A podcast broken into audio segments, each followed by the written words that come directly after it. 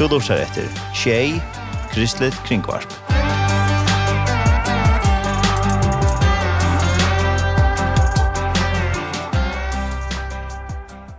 Velkommen til en av sendinger i Studio Tjei i Havn. Mitt navn er Tar Arne Samuelsen, og ta neste løtene så får jeg da prate vi vi gjester.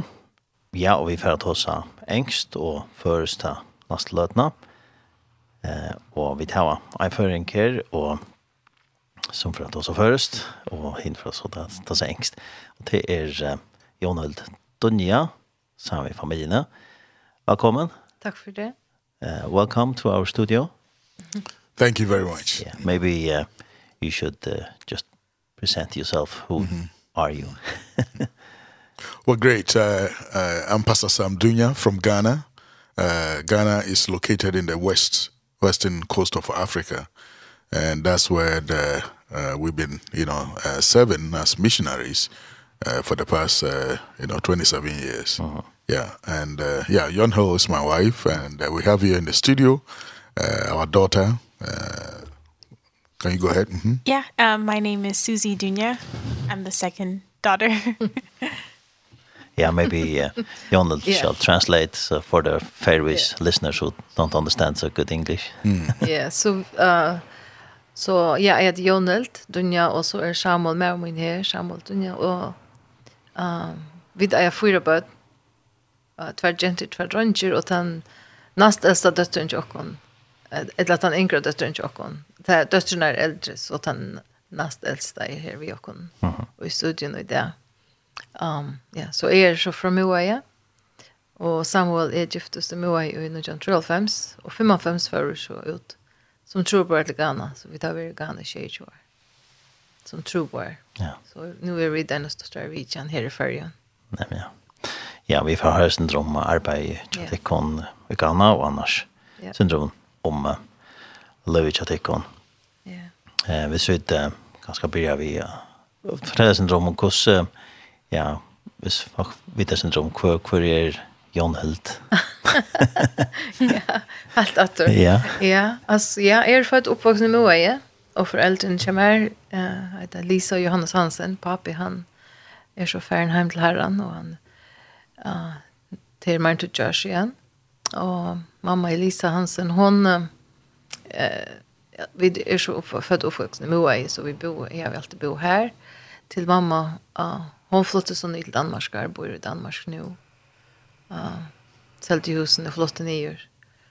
Um, så det er lukket som min til det. Og så giftes det og Samuel. Jeg får ut i misjon, og var vi ute the mission, var bare Anastasis. Og her møttes vi, og ble så gift uh, til jeg selv. Mm -hmm. Jeg har alltid haft eh, et brennende ikke slipp i misjon. Alt det um, løyvet lag, hvordan blir jeg til? Nei, det har jeg faktisk ikke alltid haft. Um, jeg vil si at jeg byrja i ta jeg for um, først og før var det go-festival i Danmark, da var jeg ikke, jeg har ikke vært så gammel, jeg må ha vært kanskje nøy år, kanskje 20, jeg vet ikke. Men da byrja jeg det lykka som, og så før jeg DTS i Norge.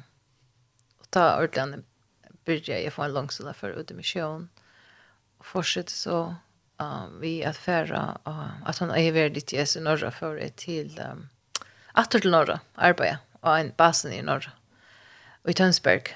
Og her var jeg helt annet år. Det var her jeg hørte om Anastasis. Tog at Anastasis kom til Norge, Um, og jeg tekna som et til å være at omsette uh, fra enskund til norsk til her var tors, om bare skipene. Og det gjør det jo så et sommer. Og det var ta jeg uh, søkte jo meg for ombord Anastasis uh, at arbeide. Så jeg enda så vi er ferdig ombord her i ett år. Mm. Og det var her jeg møtte Samuel. Han var, østen, han var kommet ombord fra Togo og var så vi av turen til Europa. Her er så kom ombord i Frank Frankrike og Bordeaux. Og det var i 91, oktober 91. Så det er nekker år siden. Nekker år siden. Men det er ferdig av bøbskola heit, og så har du det fra omkring familie eller omkring vi noen, eller hva sørte du om det? Om uh, DDS og IOM. Um, Det var fra ungdommen og Vesteravnen. Ja, det var det. Det var uh, Jasur i Niklasen som, som har vært og, og fortalt om YWM. Og tog for, for det, ja. Så det er lukket. Så, så, så ble det fast og ut ja. Det ble vi, med rundt ordentlig vel, og jeg trevs ordentlig godt, og vi skulle kjent jeg kattla for uten misjon, at han det Men kvær, det var så spurning kvær skulle fære. Ja. jeg har jeg, jeg, jeg, jeg, jeg, jeg, jeg, jeg, jeg, jeg, jeg, mitt inte var arbete kanske en Battenheim i Lockshort. Det var liksom min drömmer då. Och ja, och så hävdar det liksom att det är i sen och så är det som man är som är inne center och kvar man så. Eh ända i vi tog att det som allt allt var uppe och när or mer like när man kunde färra till och och sälja över en balans där så var det möjligt man kunde fortsätta vi så om vi får som tror bara. Mhm. Ja, så Men uh, affärer i, i mission då så tror jag man här nästan på bibelskolan. Ja, vi Ja, alltså det var eh ja, vi Ja, vi var men det det är yes, ända mal att först tror jag man är teori att känna god och så för ut och känna kända tror jag man är. Ta för vi i Spanien. Och ta var det i tror jag bo i Spanien vi teamen och Jokon. Barcelona, Madrid och Bilbao. Mhm. Ja, det var tre månader ute i gøtten og spalte drama og vittna og ekvalisera og ja, og hadde møter. Så det var liksom min første ordentlige oppleving av å fære ut og bo og ta som Jesus. Ja, Hvordan kom det til å være da? Mm, jeg har alltid vært 22 år, uh -huh. men ja. ja. Jeg burde jo fære råknet. Men for rakna rett, ja. Ja. Det var, ja, så det var en ordentlig opplevelse, og det var grenseoverskridende for meg å fære skulle ut och evangelisera. Det har jag inte gjort för. Mm. Det var en väldigt upplevelse. Men det som det ja, det som var i skolan var det så för i London. Ja. Ja, vi vi då vi då nämnde från Amerika, Rumänien. Ehm, Norge och Förjar. Jag det var. Ja, och en ansman hade det. Mhm. Och till en sväringer? Nej, jag var inte en, jag var samma syster på den tjovar, Mike. Vi var boar samma. Mhm. Ja. Så det var bara vid förringar. Hvordan var det å komme en sånn skola som, som YVM? Var det helt annerledes enn det som du har vært Leo Arne? Ja, det var helt annerledes. Var det en god? Ja, det var en veldig opplevelse å få sånn undervisning. Og at uh, særlig til vi at kjenne god og, og bedjøsters forhold vi han. Og eisene lära mig om mission og höra meg og søver om mission Uh, vittnesbord er fra altså, undervis, det som kom undervis av sjøen til at hun ikke forteller dere, og det var fantastisk. Mm -hmm. Ja. Og det er noe som du vil. Vem alla öron om kom fast till affära. Och bibelskola og så som er det. Helt sikkert, ja. Ja, det er helt sikkert. Det er brøydrein. Ordentlig. Om man ikke, om man har hur för misjon ett lei så vill jag se att att det här sex månader till en god investering. Mhm. Ja, en som ikke just just en trick och eisen kanske att lucka som så jag kvarts är heter något för mig. Mhm. Ja. Målet kommer, kommer bort fra og fra det vanlige. Ja, og så, er man så, så ser man vi mm og folk som har samme tankar, har samme ønsker som en har, at man kommer sammen til det. Ja, det er det, det er anfallet.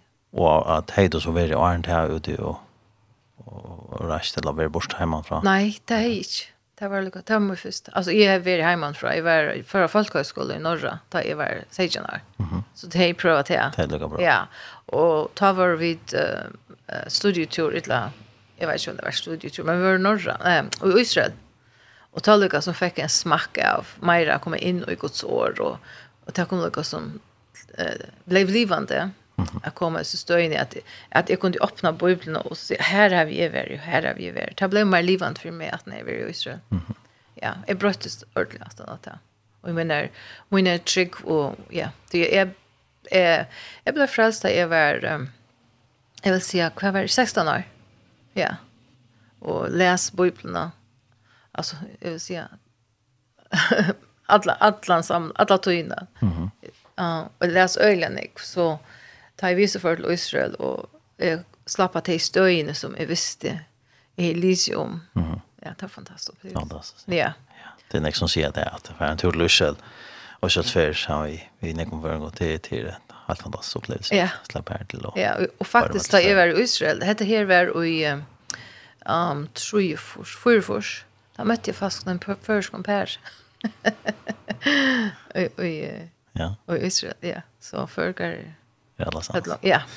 Det ser man, ja, det ser man. Ja. ja. Så det var det var väldigt upplevelse. Och kanske det var lika som början till att vilja nacka mer. Vi vi intryck. Ja.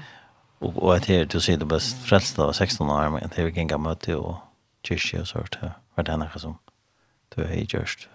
Ja, är vuxen i en hem här ja, bäge mina föräldrar var var frälst och vet inte för någon. Mhm. Så jeg var pastor av et tog og slapp å oppleve alt det og så ikke hvordan så ut og ble døpt til hele en andre og, og i mine foreldre næsene at det var det var så jeg var så vi og ødlene sånn og ja det var helt atter til helt møten oppe i Kamst eh, oppe i Gøt og helt atter. Ja så var sånn alt blir jeg ja ja. Så jeg var um, nek pastor av uh, Så vi tar ett ungdomsmöte. Så det var kvar vik, og det det har alltid lyckats som det som er helt i mer. Och uh, det var Västerbotten och vi tog ungdomsmöte först först kvann, hva sa vi lejer kväll alltid ända var. Ja. Och vi hade en trofastan ungdomsleier, Han har nattestad, och det vet hun, jeg vet ikke om Lorstar, men jag ser det alltid vid henne. Att hon är verkligen över veldig till att helt jag, nej, av och hon går rødt om vet du, vi henne er trofast. Mm jeg vik. Så hej hon. ungdomsmøte vi och hon. Ja. Ja, det är fantastiskt vi som folk som är bara ja. då han av, och är så fast i sin arbete. Ja. Uthållande och trofaste och att sådja ja, investera seg själva og i ånder, Så er det helt sikkert at mm. det är man färnak attor för det. Ganske man ikke ser det her nå, men en dag. Men En dag, ja. Så, så där tror høre. Vittnesbörd. Ja om det som man har gjort at, man uh, att det var det värst att investera. Mm. Kanske det er ikke alltid var så lätt ju henne, men hon var trofast. Mm. Ja, och det kan jeg være vittne om i det. Ja. Ja, det är helt sikkert. Men eh då så du blev frälst av 16 år, gosse uh, var det så knappt att du sa det att vi bruk för Jesus, eller hur så hur hände det? Det var faktiskt pastor av uh, ungdomsmöten og näsna. Vi døde og ja, en av vikene, och vi för från för imisk hemma så timen så var pastor av etla, ja. Og jeg, jeg kjente, jeg sa til at godt nok var mine foreldre tryggvant, jeg hadde tidlig med Jesus som personlig frelsere, men jeg har ikke gjort det. Og jeg begynte at skilja til, akkurat som nekka inn i meg, um, at uh, det var ikke min frelse, at jeg måtte ta et personlig si Og jeg minnes, da jeg til for å møte, og og jeg ikke tømte vi, ja, man var 15 år.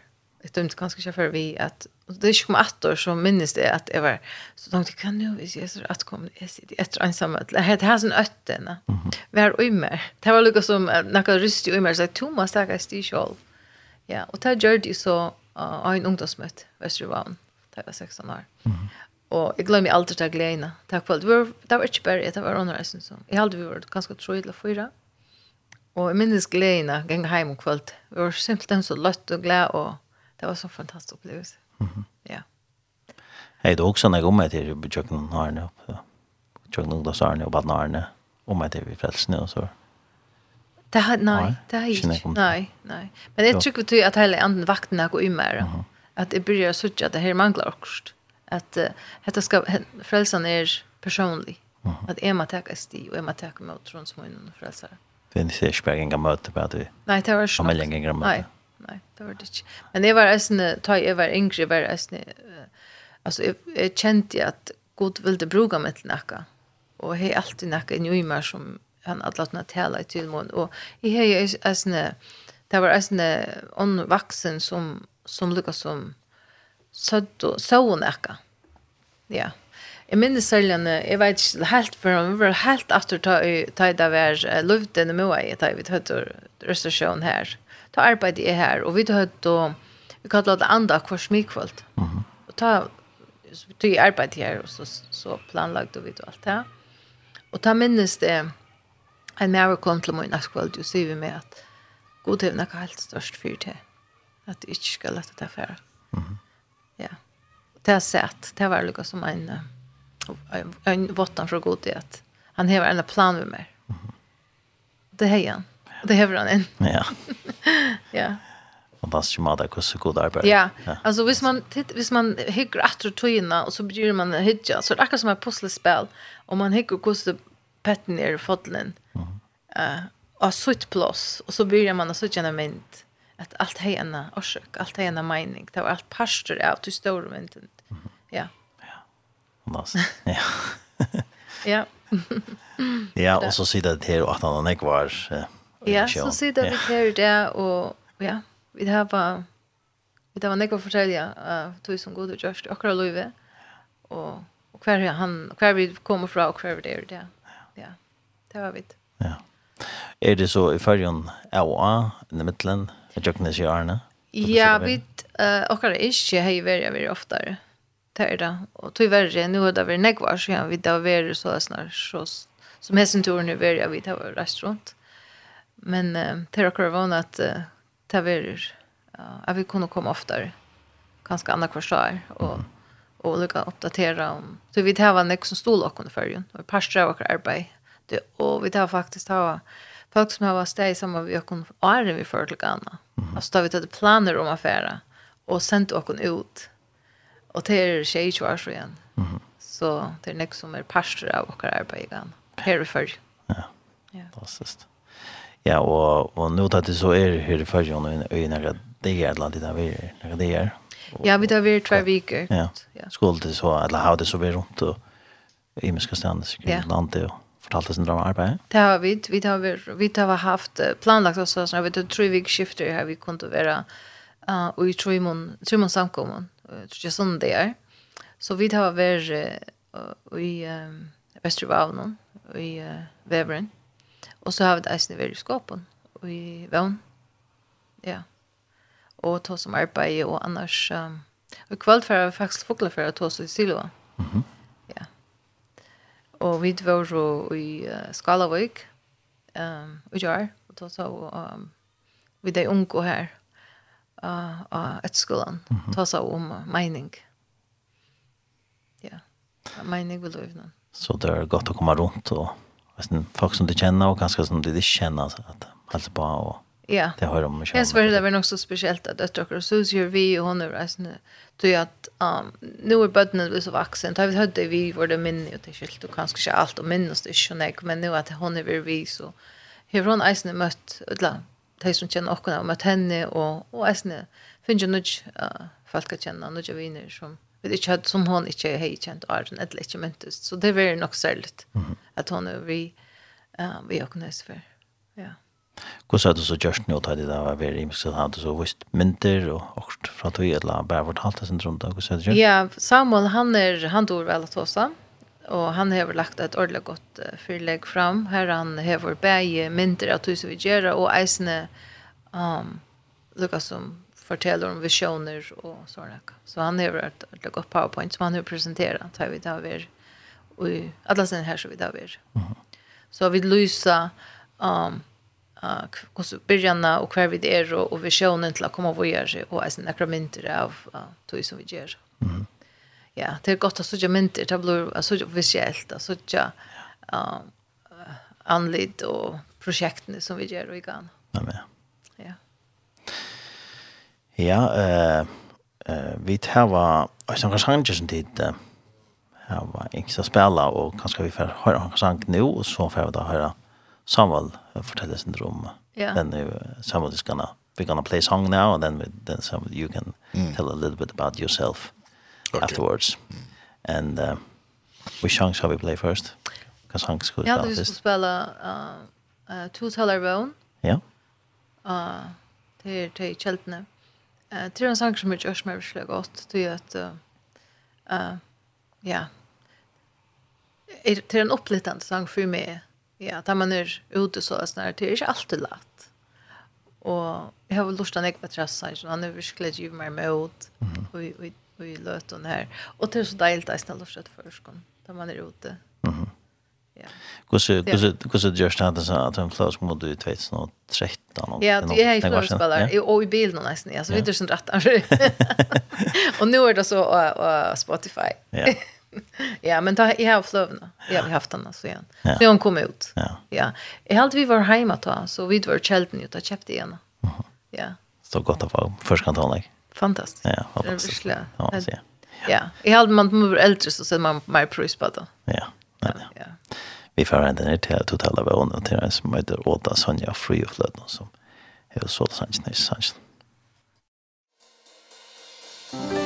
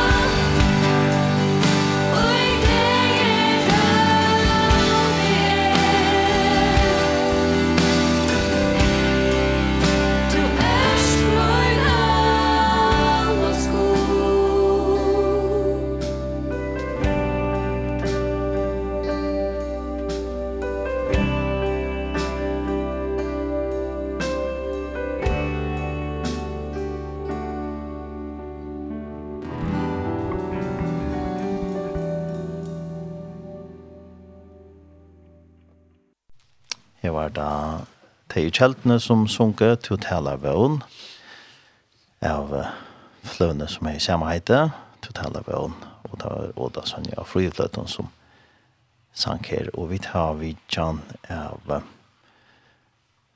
Jan Dunja og Samuel og Østen Sosi som er døtte der og det er vi skal som tror bare vi Ghana og i Nek Nek var og vi har hørt Jonald Grete inte fra om, om sinna bakgrund. Hun kommer med veie og henne oppvokster, og at hun kommer kjenne Jesus 16 år, og for ut i misjon for først vi bibelskola, tja YMM, og så får vi anstans, og så har møtte Samuel.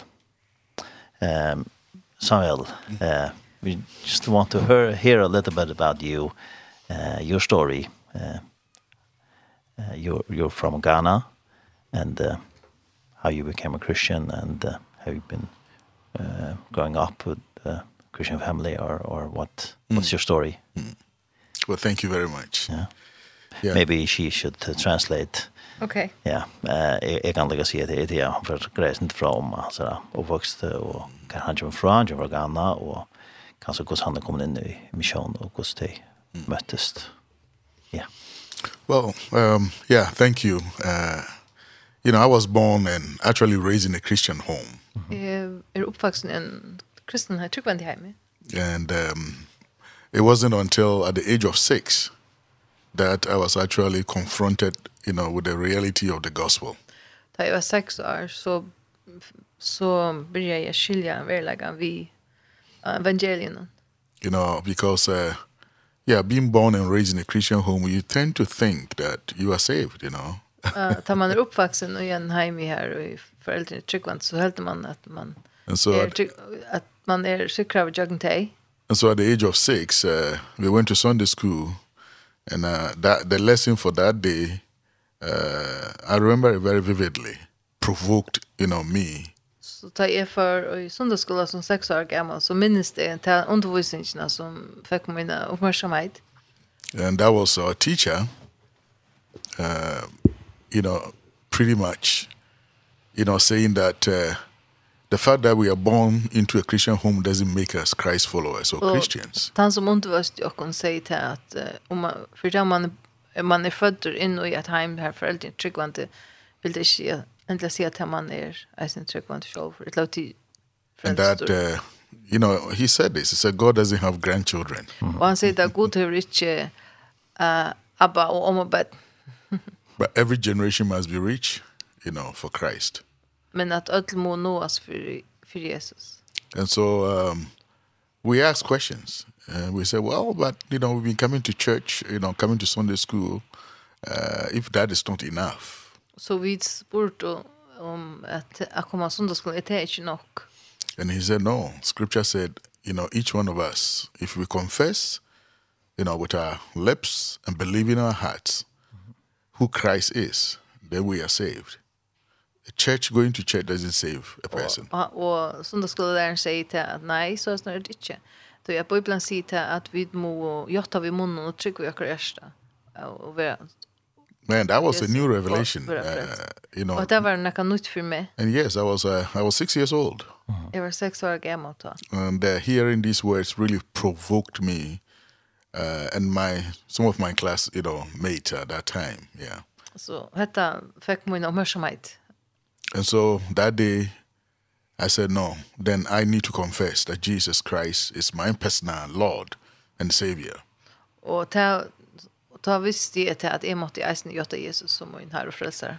And so at the age of 6, I remember that day inviting you know me to come forward and raising my hands. So minns uh, sex år gammal att få fram och lite händerna upp. And now confessing with my own lips. Och jag tar min egna munne. That Jesus is my Lord and Savior. Att Jesus är min herre frälsare.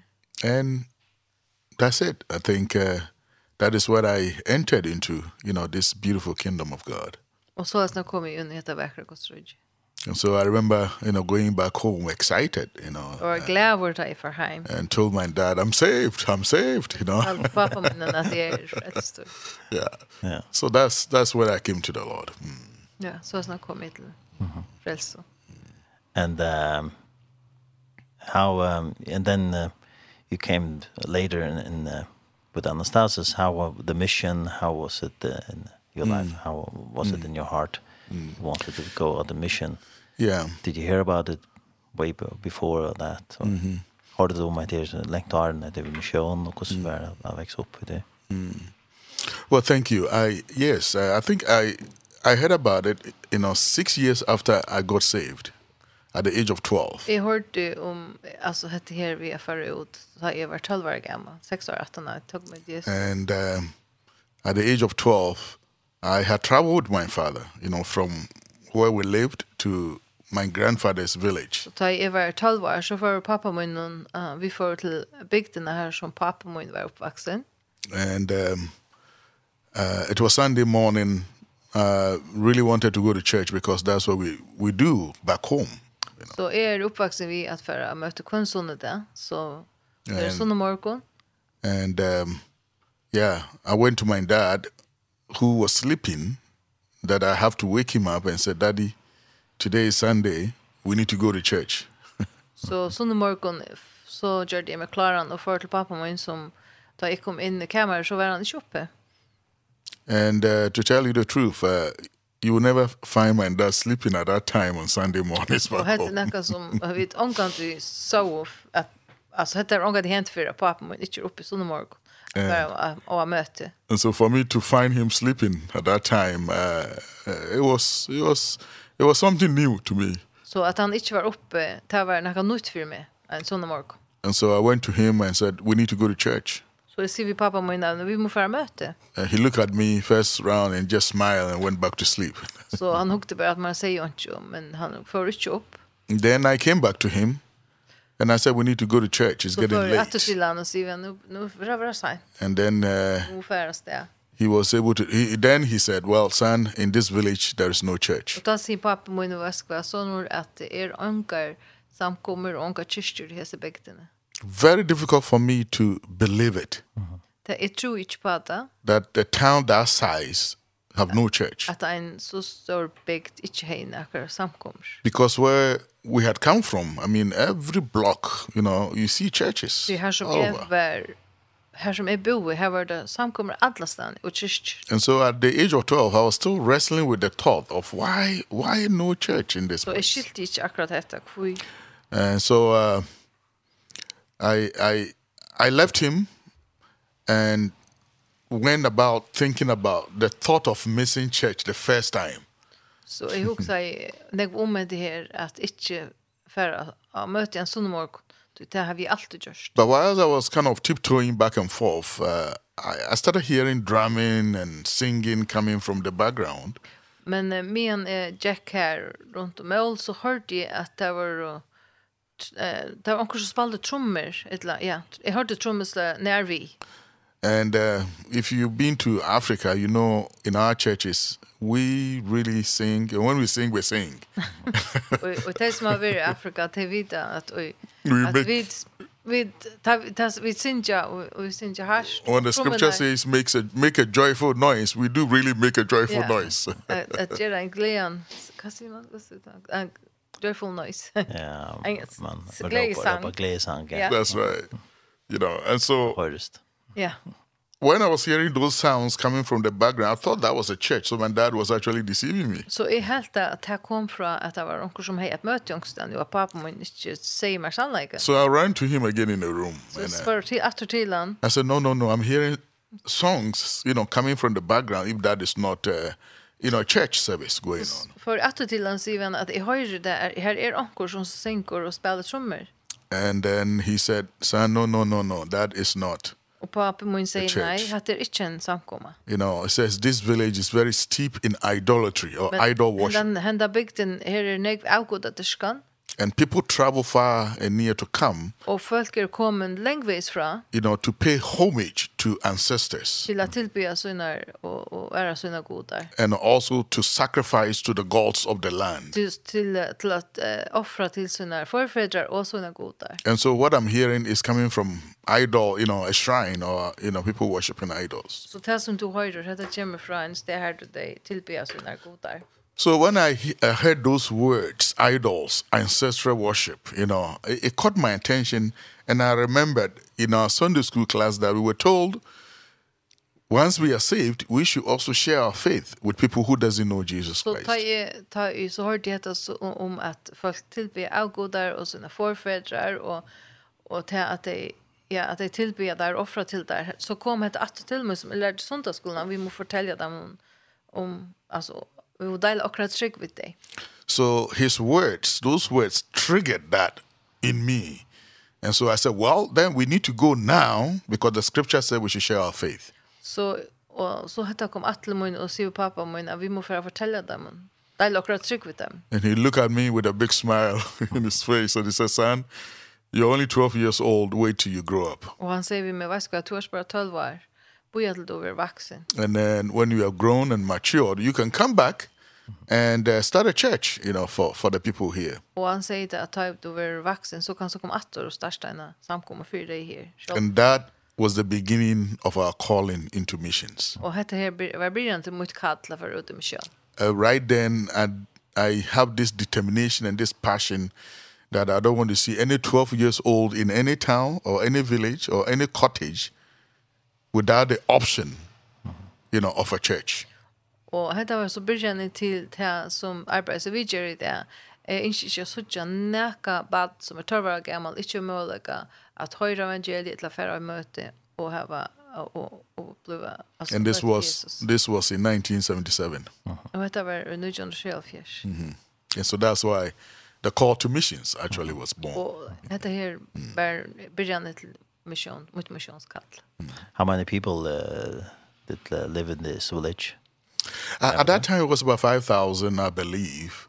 Uh, by the time uh, we went back, you know, it was uh, about 120,000 with the whole surrounding, you know. Uh, so jag var här tar var det kanske 5000, men mm. där är det mer än 100 som 100 000 så big var i tog bygden och bygden runt om.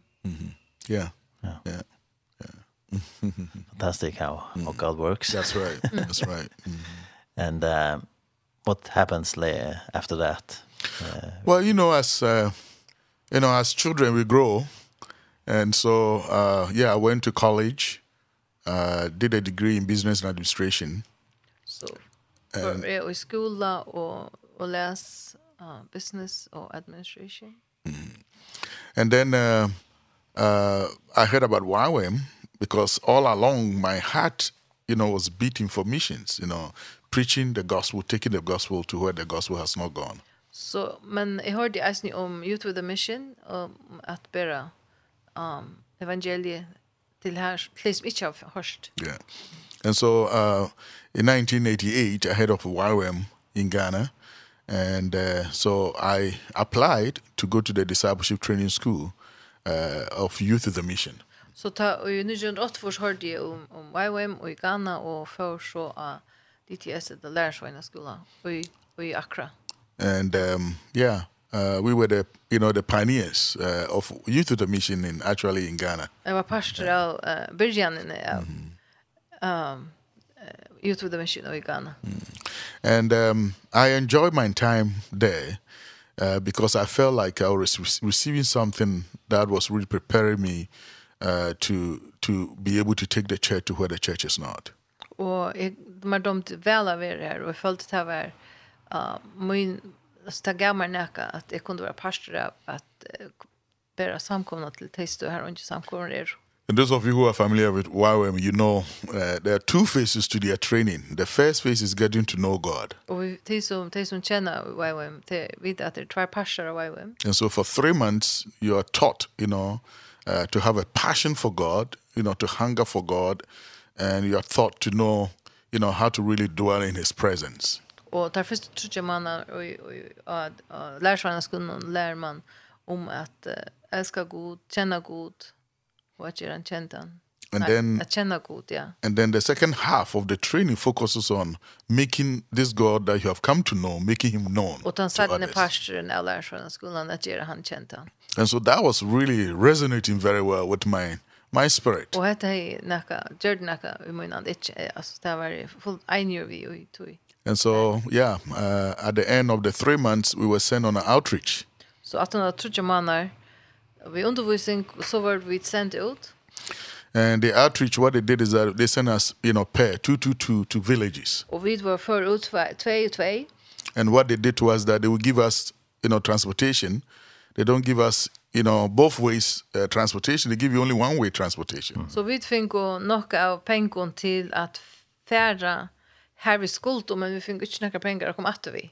Det billettene då. Yeah, they, they tell you go, God has called you and sent you trust him to provide for you and to be able to get funds to return. Och det säger att Gud kallar det, lyd av han och han ska syrja för dig and amazing, amazing things happened as we, we went on outreach. We saw Nick. My friend and I, yeah.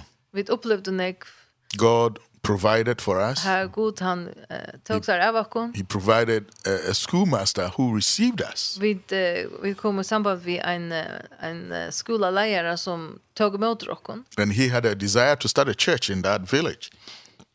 And so, han han är planer om att starta en, en samkom i Sunnarbygd. So we were plugged in right away so in vi, helping him vi, build that church. Vi var här och byrra och hjälpte honom och starta åt samkomna samma vi honom. And that was the early beginning signs of really God confirming his calling upon my life. Och hade tecken så i början att herr god visste ehm så Guds kall. And so we left that village after three months with a church that was born in that community, yeah. So that we far from Tubak Bigden, so how do we start so. Yeah. And so right after the DTS, um, I went to work on the Anastasis. Uh -huh. So after I evaluated we DTS, the last One School of Farium for Anastasis. Again, it was driven by missions. Som eisen var om alt var om mission. And it was on this Anastasis. Uh, I was there for a year and Yoni came for uh, joined the ship in Bordeaux. So it was it was uh, in Bordeaux that uh, uh, we met uh -huh. on the ship. Och jeg var ombord, um, han var ombord i ett år och, och kom från uh, Togo till Europa och här mm. möttes vi så ta jeg är ombord. Mm -hmm. Yeah. And then, yeah, I think the rest is history. right after the Anastasis, uh, I went to Bethany College of Missions, now Bethany Global University, to do more studies because I wanted to go back to Ghana and to fulfill the calling of God upon my life. Og ta er var liv och våran stase så för ett til USA til uh, bibelskola uh, Bethany University Bethany yeah Bible School som det er Bethany Global University in Minnesota. Mhm. And uh, yeah uh whilst I was a student uh, I think a year into my studies there I came to the Faroe Islands we got married and then we went back for us to finish uh, uh, my education with them, yeah. Jeg gikk et år av Bethany, og så kom jeg til Førjar, og her vi giftest i december 2005, og så får vi bæg atter til USA, og gikk så et år tratt av Bethany. That's right. Yeah. So right after Bethany, uh, in 1995, we came to the Faroe Islands. Um, uh, and uh, yeah, we came in January, and we left in June. Har vi två Og hadde gynnt etter år av Bethany, så kom vi atter til Førjar, og var her til junimåna, mm. da vi så før og mm. altså det.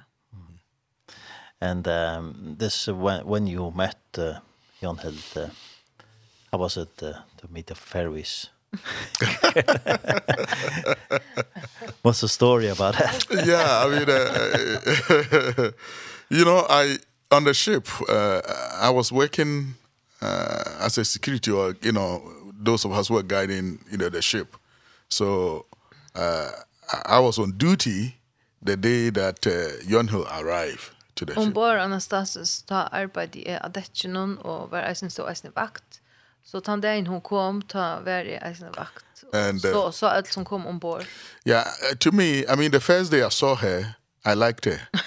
Mm. Seriously, you know. First of all, so han so I don't know how you translate I liked her. Oh, I lo you know.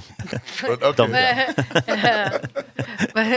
But yeah, first of all, I saw Hannah, yeah, translate. You know, I mean, I mean there's something about first sight, you know. And I I I knew it. I knew she was going to be my wife. Jag visste det att hon bara vara min kone. Um you know, in Africa, I mean, uh, I did it also. I mean, basically, I did an in African way when I approach her with it. I mean, here you want to take time, get to know the person, you know, and that. But I didn't take any time. Og vi um, afrikansk maten at att te, man får straight to. Alltså, det är inte boja vi, men fram. ikke som her, här och man bojar och studerar texterna tog. Ja. Yeah. And so, I mean, I, I went to her and I said, uh, do you know what? I, I want to marry you. Så jag får till henne säger henne at jag vill uh, at vi skulle giftas ut där. Um, I, if you ask me, you know, why did you do that? I mean, I, I can't explain. It's just, it's just that I knew and then I knew. And I felt, I felt, yes, that this is it, you know, uh, for me. Jag kan inte förklara hur, men jag visste bara att, att detta var det rätta för mig. Jag kan inte jag kan inte förklara det. Jag visste det bara. And so um yeah, I would say you know we started, you know, getting to know each other on the ship, uh watching her and what she does. She was a bit she was very unique in basically what she does. She was always ready to help, especially with the Africans on the ship. We were struggling a lot with the food and she worked in the kitchen and she realized that we were struggling a lot with the food. So, and she knew we liked rice, you know, and not the potatoes, mashed potatoes and the food on the, on the ship.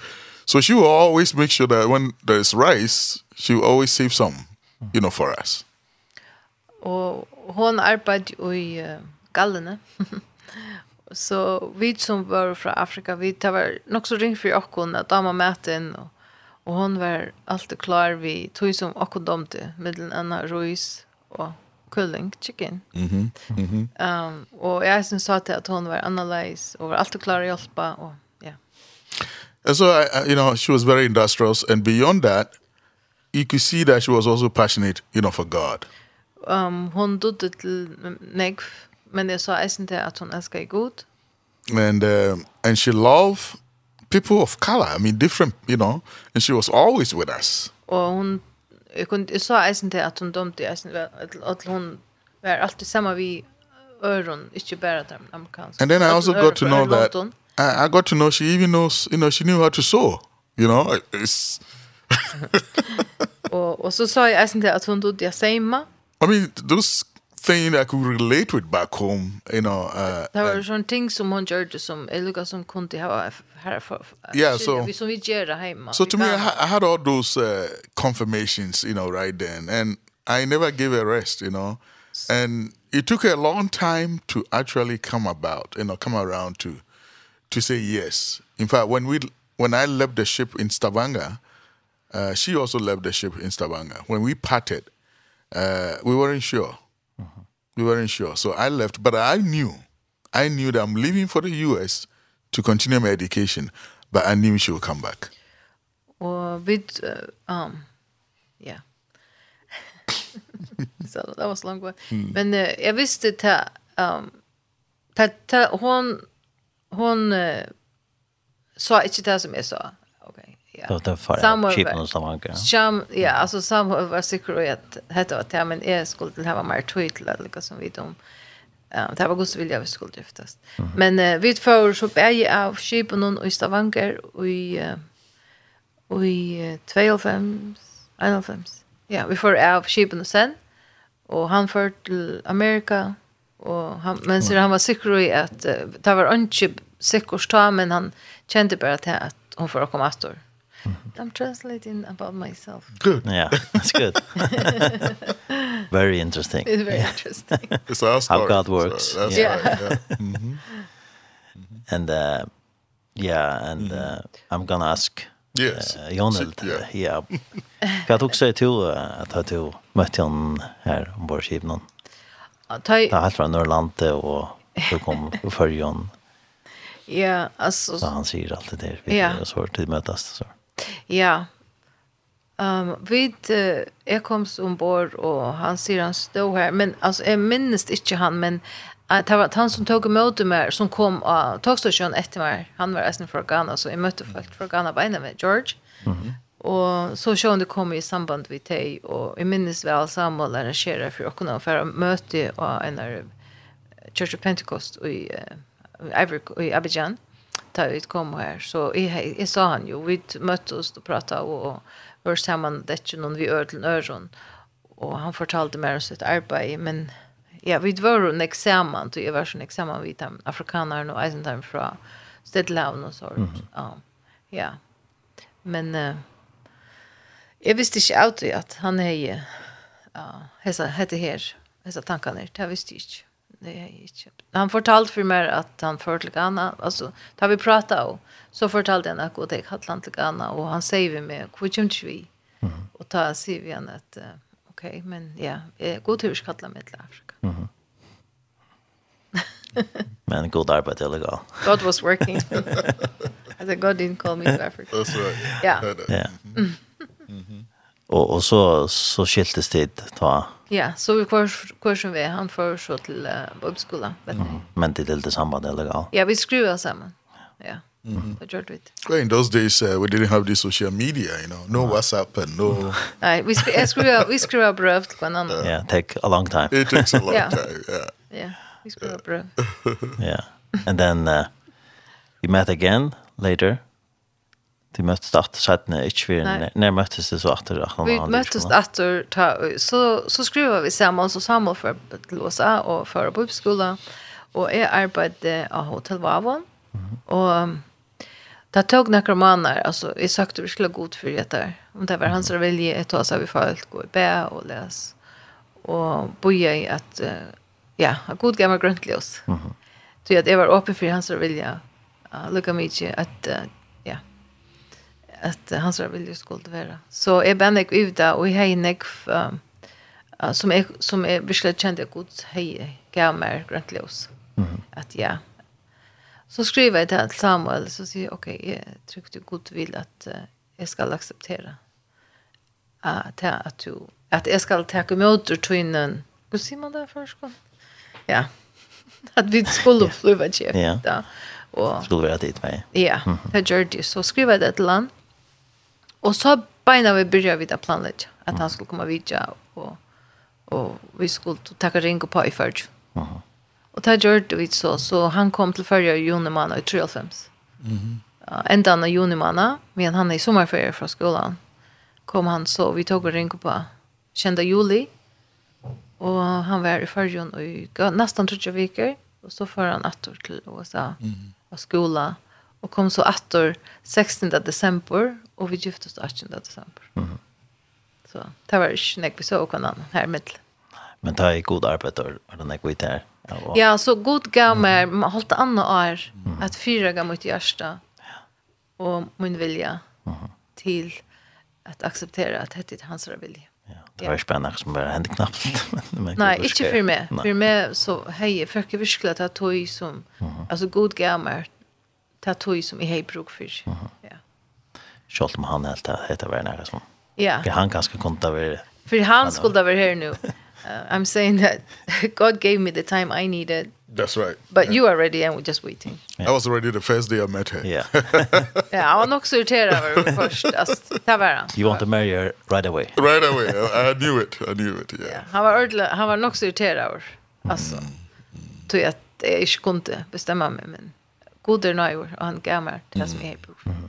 Och det är tacksam för det att att det som jag säger vi god att jag säger att jag vill vara säker. Då jag vet att tjonen band är latt, och hvis jag tar inte det lättliga bara färg ut det utan näka. Så kan man lätt mig som ut och halta att man har eh, inte valt rätt. Och inte gjort det som var rätt. Och och det här fick jag vara mer tog till. Och jag vill omgå till Jag vill ånga du, ja, very är ju stöv här i här i väst. Jag vill alltid veta, hetta var hans vill för mig. Tog jag, tog jag, tog jag, Du gav du tog. God, god att tog jag arbete. Ja. ja, så vi tar, nu har vi så varit gift nu 20 år. I december var det nu 20 år. Men jag syns det att han kommer fra helt annen kultur, og du kommer fra fyrre, og det er også det sikkert jeg om. Jeg har også øyne om det, og det er en av de tingene som jeg nevnte for sammen, vi tar oss om det, hvis det skulle det det var det, at vi er kursen er en kultur, og jeg brukte jo ikke engst som utfeste mal. Jeg dødde ikke til å sitte hvordan jeg skulle for å kommunikere i enskene en tjoneband. Og jeg husker jeg snakker om hvordan for bøttene ikke å kunne heve det. Det er jo, det var ikke så vanlig da, at uh, att utsätta dig för kanske att ha ett strävelöv till det var för att se inte det inte som ett långt på lika mycket kvar färg i hemmen så för att det alltid över annorlunda och höra till ja två stö nästan mm. ja så det också igen det kom och snacka vi igenom det mm. det ja yeah she told about different cultures meeting mm -hmm. and and mm -hmm. language. that yeah that's right language yeah och så man den och och och Og jeg har ju ångat vergan. Är vi giftast? Vi död jag jag kände inte familj, ångat familjen och John. Jeg kjente ikke hans kultur, kjente ikke hans ikke pröva hans mat eller noe. så där. da vi förde lika annat, Da hadde vi vært gift i två år. Så det var første fer at jeg møtte familien. Mm. Ja. Og pröva i maten igen. Mm. At that time you knew uh, you wanted to be a missionary in Ghana, not on, on another place in the world, but in Ghana. That's right. Yeah. yeah. Yeah, I mean my that encounter, you know, uh at the age of 12 uh really moved me and I felt that God was calling me, you know, mm. back to Africa.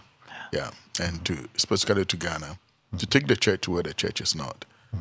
Uh, but I've seen that over the years God is expanding the boundary out of Ghana mm -hmm. and seeing the church is going into West Africa and and and and the rest of Africa I would say. Mm -hmm. Yeah. Yeah. Yeah. It, it, yeah, visste det god kallet mig till att vara trooper i Ghana, arbeta med EFF i Ghana. Och att, att starta samkommer här som det inte var några samkommer. Mm. Och det har god just.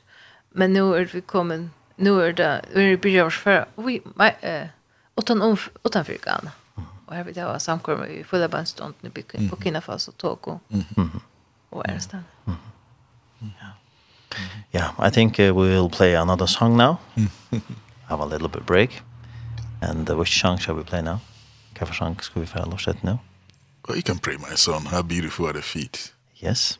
Yeah. Yeah, we play that one. And that's from YMM Music.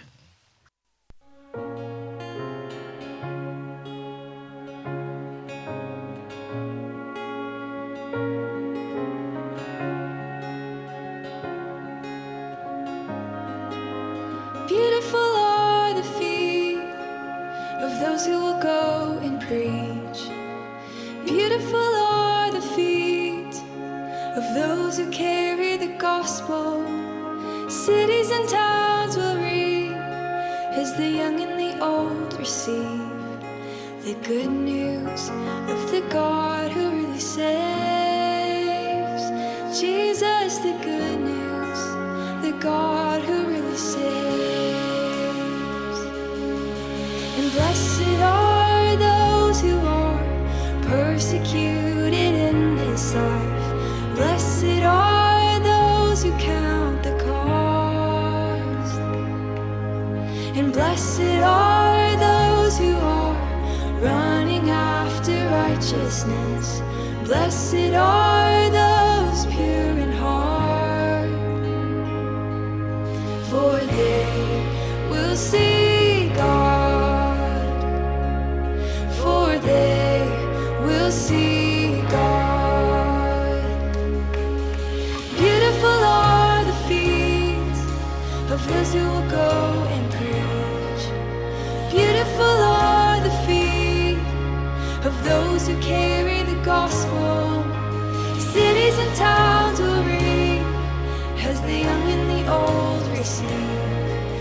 good news of the God who really saves. Jesus the good news the God who really saves.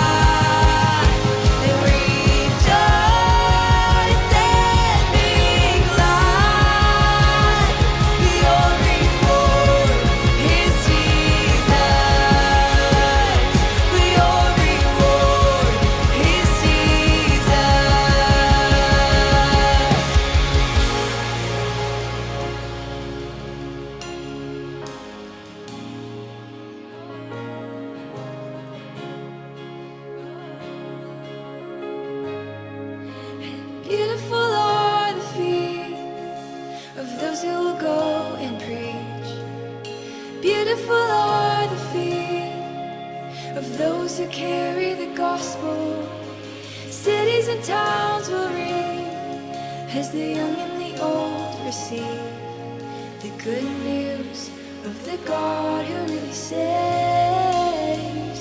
Jesus, the good news The God who really saves. Her har vi den sang som heter Beautiful Art of Feet, tja YWAM. Det er en lengre sangren, men uh, vi får prata sin der Meira vi uh, Samuel og Jan Del Dunja og Sosi, som er dette her som vi kjer i Udorsone. Eh, vi har Horsa syndrom, eh, samanløsning Grøtte syndrom, om hvordan han ser oppvokst vær, og hvordan han kom inn i det kallet at vi er misjonær i Ghana, og hvordan hvordan de møttes om bare Anastasis. Og ta hver Anastasis uh, parster av YMM. Nå er det da uh, Mercy Ship som, som uh, hevet det til nesten. Um, ja, uh, for at oss ikke vi døtte der, Susi. Uh, hey, Susi. Hello. Hello. also, welcome to you, to our studio. Uh, Thank you. Nice to meet you. you I, I met your parents many years ago when they came to Faroes. Yeah. yeah. Okay. Yeah. That's No, we'll stick to English. Just English, yeah. My mom will translate. So you left us in the Yeah. How how do you learn uh, uh, Danish? Um uh, right now I am in Denmark. I just moved, so I started taking Danish classes. So I've been taking Danish classes for about 3 3 weeks. Mm -hmm. so um my Danish is not the best, but I can understand what people are saying. Mm -hmm. yeah. Yeah. So Susie har very um er på Danmark nu för stått og flott till Danmark och börja att gänga till danskundervisning. Mm. Så helt och skulle pröva. Mm -hmm. um, how, uh, why did you move to Denmark? För the flott till Danmark? Um, yeah, so I was living in the US. I was studying business and um, when I was done, I kind of didn't know if I wanted to stay in the US. Also my my visa was ending. So Susie ever into um universitet i USA og var li og arbeid i et år. Og så var det av visum. Men så var visum i utgynnsje. Yeah, so um, I decided that now would be the time to try something new um, before I commit to one path um, of work. um, yeah. So hon ville gjerne prøve noe nytt og valde så. Yeah, so then I decided that I would just move to Denmark. Um, I am half Faroese and I don't speak Faroese. Um and so I thought I would move to Denmark and learn da Danish mm -hmm. um and spend some time here um between Denmark and now the Faroe Islands to kind of get closer to family and um get a job here, get some experience on this side of the earth. Så jag har så er ju sjön det håller för en. Men du är ju förrest. Så jeg helt där vi skulle lärt angst så so, um, i Tambyrgen. Og nå er vi så her i førgen, og jeg kanskje kan lære ham først. Ja. Ja. So we, we, yeah. Can we ask how old are you? yeah, of course. I am 26 years old. it's too hard. Yeah, I will be 27 on the 14th of February. So in 13 days, mm -hmm. I will be 27. so so we're sure you are uh, 14th of February. Mm -hmm. Yes. Yeah. And um you grew up in Ghana. Yes, yes. I did. Yeah, I, grew up in Ghana, yeah. Yeah, I grew up in Ghana. I um we I mean, I was raised in a village and so I grew up with English, not English, but um Ewe as my first language. So, so I yeah. So mot um uh, hur säger man det först? Fistamala. Fistamala. Mm -hmm. Och ett la henne ja, hon är uppvuxen vid att mm -hmm. ta sig Ewe mm och engst. Yeah. Um and then we moved to a different place and um I was older and then I started learning English, but as you can tell I have a bit of an American accent. And that's because my parents had a lot of missionaries come to to Ghana when I was little, so I would listen to them and try to copy the way they were speaking. så du har att jag vet inte en amerikansk accent. Och det tror jag att vi hade sån ekvar um vi hade ett team från USA så lustar jag efter och Kopiera i. Tara enska. Exactly, yeah. and how was it uh, growing up uh, with the missionary parents? And yeah, the, the way things were for you. Because jag växte upp uh, så som vi, vi tror på när föräldrarna och då var Um yeah, it was it it was amazing. um well, I didn't fully understand what they were doing mm -hmm. at the time. Um, but I loved all the people that came to Ghana and I loved watching all that they did. Jeg, uh, jeg skilte ikke hva det var ordentlig til at det var trobart. Jeg skilte ikke som bad, men, uh, men uh, det var, mer dumt så vel tar vi til team kom og Yeah. Och att vara samma vid timon. Yeah. So och allt det här som är samma inne äldre Yes, yeah. So as a kid I was always fascinated with I mean, I did I wasn't there weren't a lot of people that looked like my mom. And so when I saw them, I was always curious. And so whenever they'd come and they'd go on um go to the villages to help people and play with the kids, I would go along with them and I would just watch them as they interacted with um people in the villages and how they were helping them and it it always fascinated me. So det var eh Jeg sa omgående til Idla, ja. Jeg sa nesten omgående til ånder folk i Ghana som så lykke ut som mamma min. Altså det var så fuck kvitt i Ghana. Så det var bare jeg. Og ta så ta och vi tar team så kunde jag släppa være samma vid dem och så jag det som det gjør, og det fascinerer mig sånn, jeg var samma vid de amerikanske som kom. Yeah, so they would um they would you know play with the kids or talk to the grown-ups but then they'd also sit down and talk to me about why they were there and what they were doing and they would include me. So when they were teaching the children they would show me um you know they'd explain to me. I was learning with the kids that they were ministering to at the time yeah. Yeah. So eh madam du väl vara samma vi timmen som kom för oss. Att jag jag slapp arbeta samma vid timmen och te hukte hur det te tas av undervis och folk i bygden. Men så eisen til at de pratet vi med, og, og vi tøtt og samtaler sammen. Yeah, and, I, and I remember at very young, um, I started feeling like I want to do that too.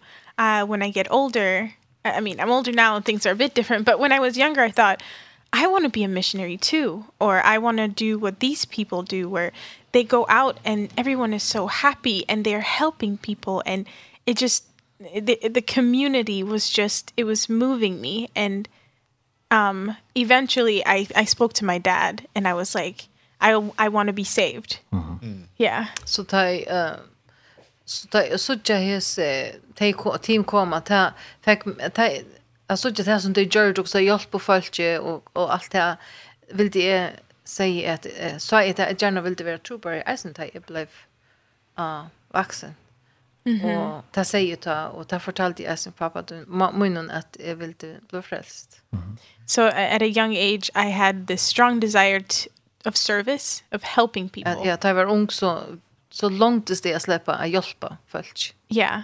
Um and then I talked to my dad and my dad sat me down and um you know, I he was like, "Okay, we'll baptize you." Så jag fortalte pappa min kvar mot var, och han säger att uh, vi du ska bli vera döpt. Yeah, and so um I I rem do you remember that story? Yeah. I do. Mm. I do. Yeah. Yes. It, can you tell a bit of the story how you baptized me and so so someone to fortell yeah. Yeah, I, I, I, I remember she coming to me and you could tell she has been contemplating on this for a while. Och ta in kom till mig så sa så kom det var greit at hon hever hooks om det her. Even though I was very excited, I also wanted to know why she has got into that. Sjølt om jeg var glad, så vill du vita kvoi. And so I I asked why do you want to be saved? Så spurte jag hva vil du bli frelst? You know and why do you want to be baptized? Kvoi vill du være døpt? And I was amazed the answer she was giving me. Og jeg var överraskad av svære som hun gav meg. She was young, you know. Var I think 11 uh, 11 years. 11 years. Uh -huh. And um and the answers she was giving me. Og det svære som hun gav meg. Wow. Give me you know that that really you know excitement that every father will, will, will want to see you know tack glädde mig som en pappa and uh, yeah I, I said well Susie just based upon what you have confessed and you have said you are saved Og hon, you know? och sier vi henne, så sier säger fra, ut fra tusen du säger mer, fortell mig det, det som du har sagt, så er du freds. And I was so proud, I called one of my pastor and said, hey, come, let's go and my daughter is ready to be baptized, you know, and at the age of 11. So, you know, it meant a lot to me because at the age of 6 I came to the Lord, at the age of 12 I received my calling. And here is my daughter, 11 years, you know, receiving uh, such such a encounter. Jag glädde mig så när jag såg att jag är själv var sex år där jag blev frälst och jag fick mig kalla var 12 och nu är min dotter som eisen ingenjör har döpt And I was so proud. Glad you feel me as a child. Yeah. Took her to the river. Yeah, we went. Do you remember? Yeah. Yeah, we got in the car. It was so stolt över då på I mean, obviously he gave me some scriptures to read yeah. and then we did this, so. but um yeah. Uh he called the pastor and we got in the car and I remember we drove on this like rough road. Rough road. There was yeah. just dust everywhere. I mean is that uh, han gav meg en skrift til å lese Arren og så får vi og kort etter en vei, og det var sånn jeg støv av en Yes, I was like, where are we going? It's the middle of nowhere and all of a sudden there's this um a river or stream and and you know we get off this rough road and we walk down to the stream and I'm like what? Så kom vi till uh, kort och kort och så kom vi till uh, äntligen till en liten å. Yeah and um I don't really recall every single thing that happened. I just remembered the uh, relief. Mm. Men jeg minnes ikke alt som hendte, akkurat alt, men jeg minnes yeah. det kjente henne, jeg var løtt, akkurat slett nei. Like, I, had, I had made the right choice. At, jeg visste at jeg gjørste rett. Yeah, and det. so um, after that, when they would, when the teams would come, um, so if, you know, I encourage people, you know, at whatever age, um, mm -hmm. the us little ones we're watching you so yeah. when you when you go and you minister in in in you know these villages and kids that were my age 11 and 7 we're watching you and it's changing our lives because it did change my life. Och jag jag brukar det som en uppmuntran till dig som kommer så fär ut att lilla bygder minst till att te te onko kanske det körs ut med vit fylja vi vi tidja efter tycker som är vuxen så det är min uppmuntran till dig som fär ut att dig som är runt tjej och de du tog ett år. Det hitja det fylja vi och det såg jag kvart det vuxna gör. Yeah. And so when when the team and these young people would go to the villages and they would um just just be with the kids i felt like like i can i can do this and and i almost had like um the the support like as i was talking to them i felt like i've always wanted to speak to them from a place where i also believed what i was saying and finally i could i could say um i could share with them mm -hmm. in a way that i was transformed uh -huh. and so yeah i just I loved being with the team and going into the villages as a kid. That's my biggest memory from when I was young is um driving on these rough roads thinking why did they leave their country to come all the way here to go to a village where there's no running water where there's just nothing and just giving all that they have to these people? And I finally understood at 11 why they sacrificed so much to be there. I'm sorry, I spoke too much. yeah, that was a lot, but... men det som Susie sier er hvorfor uh, avvarskan det heie av henne, mm -hmm. at, uh, at team kom og hjelpe å kunne arbeide i Ghana, og at hon, da hon så var døpt som et tog møte Jesus var døpt som et eller annet år gammel, og lukket som, det var henne i byrjan her, hun måtte si, at nå kan jeg, um, at, jeg, at hon følte lukket som pastor av det, at hon følte hun hei nek eisen i djeva, og Och att hon sa en, en, en ordentlig mening i tog. Uh, som hon sa, hese falskene kommer fra, fra Amerika, fra ötlen tog som de før, fra ötlen tog som de hadde, og og kom til disse støvete bygdene der vi omgår vattnet, ikke ves og vanlig mæter, at de vil ville fære fra ötlen tog og komme et hjelp på følge. Mm. Og Ghana, det sa hon som det er størst. Mm. Så ja. yeah, amazing. yeah.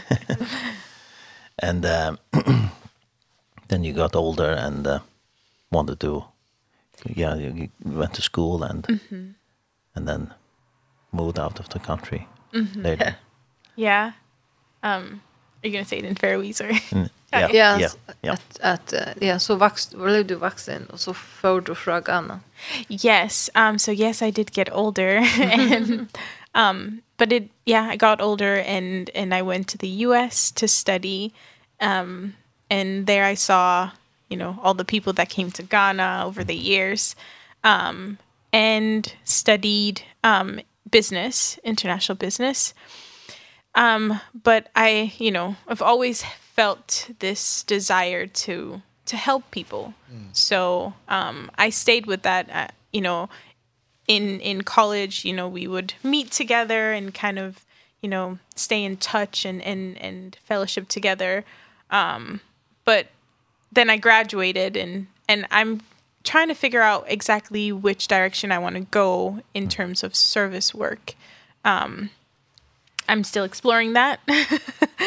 um but yeah. So so for so you have on for for uh, college you were 19 that one which another 19 yeah. Iowa Was studied less international business. Mm -hmm. Og dette har alltid fyllt vi mer til at det ikke hjelper øren. Mm Och ta ju så vär här så körde jag nek out till skolan och you you're involved in international students, right? Yes. Så hon arbetade nek vis nämgon från öre London. Jag hjälpte det lyckas man integrera sig. Mm. Det var lyckas man henne hjärsta mål till hon hon visste hon visste hur så hon I'm speaking for you now. That no, you knew you... how all the international students felt. Exactly. And you wanted to help them. So yeah. hon ville gärna hjälpa timen som kom hon från öre London. Jag hon till ringt att komma från en afrikansk land till Sverige och in till Amerika så hon hjälpte dem Lucas som en integrera sig. Och Eva hon og hon sier, jeg vet ikke akkurat kvar og i tjenest, og, eh så hur det ser ut for framtiden men det er mot första mål. So you uh, you're not a full-time missionary but we can always be serving God everywhere yes, we go. Exactly. If exactly. we're working or studying or exactly. whatever we do, yeah. we can always serve God wherever yes. we go. So mm, definitely. That was your purpose. Exactly. Yeah. Yeah. yeah. yeah. I think so. well well yeah. said. Yeah. Well said. Yeah. With that container go till alla sanna yeah. som vi skulle. Det går mycket kvar där. Arbeta like kvar der, Ja, med that container go till. Och det fodlar tog i det. Ja. Ja. That's really good, yeah. So that's was things that you wanted. yes, exactly. I don't know if you want me to share a little bit what my brothers and sisters are doing, but yeah, yeah. you can yeah. Yeah. How do he and sister Nigeria? Yeah, go ahead. Uh, my sister is in Denmark. Um she is studying to be a dental assistant. Den som syster min Mary, den äldre, hon er eldre. Ja, hon er i Danmark og lærer til till assistent. Yeah, she is a year older, so 28. And Mary var 28. Uh, and she had... Nudgen där. Mm -hmm and I have a nephew. His name is Aaron Jr. Og er moster til uh, Aaron, yeah. Jr. som er son til Mary. Yeah, and he is seven. Han var tjej år yeah. i april. Yeah, and then I have a brother. His name is Samuel Dunya, and he is in the U.S. right now. Og så da bare min som yngre han heter Samuel Dunya, han er i USA right now. Yeah, and he's studying in the same school that my parents were in. Han er at Bethany Global University. Yes samma skolan som Samuel och jag gick Ja, yeah, and he will be done in May. Och han vill lever i maj. Mm -hmm. And then the baby, or not the baby, but Son youngest, yeah, the youngest, he's uh, 16, going to be 17, and he's in Ghana. Den yngste, Joshua, han er 16, han er og i mars, han er i Ghana. Yes, and he's still in school. han vill leave skolan nu i sommar. So yeah. Ja. Last year. Last year. Det är och ja, tar touchen av flock. Lever touchen av flock. Juni. Mhm. Yeah, uh, I think we'll play another song now. Have another break a break again and uh, yeah. Or, or which song should we play now? Lord of the Harvest or the other one? Um, jag hade kunnat checka in först. Ja. Så ändrar vi. Här står Jesus. Ja. Yes, och det är uh, Saman han Lockberg, Krista Lockberg. Det er en sang stod da. Ja. Ja, nu sang eller något sånt. Ja, något sang, Ja. Ja. Ja, vi får lust då.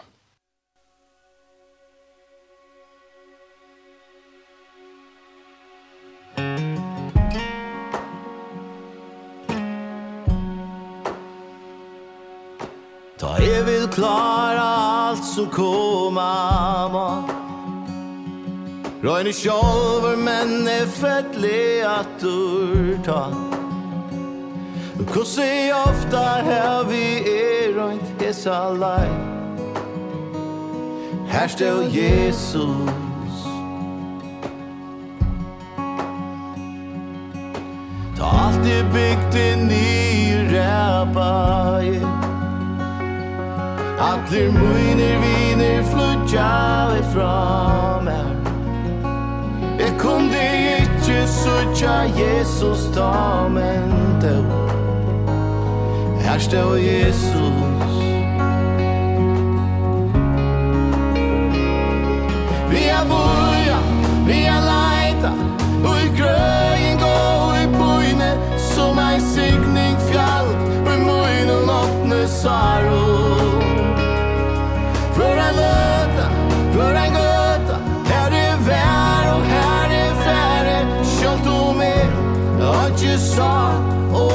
mangfoldig Herre, står Jesus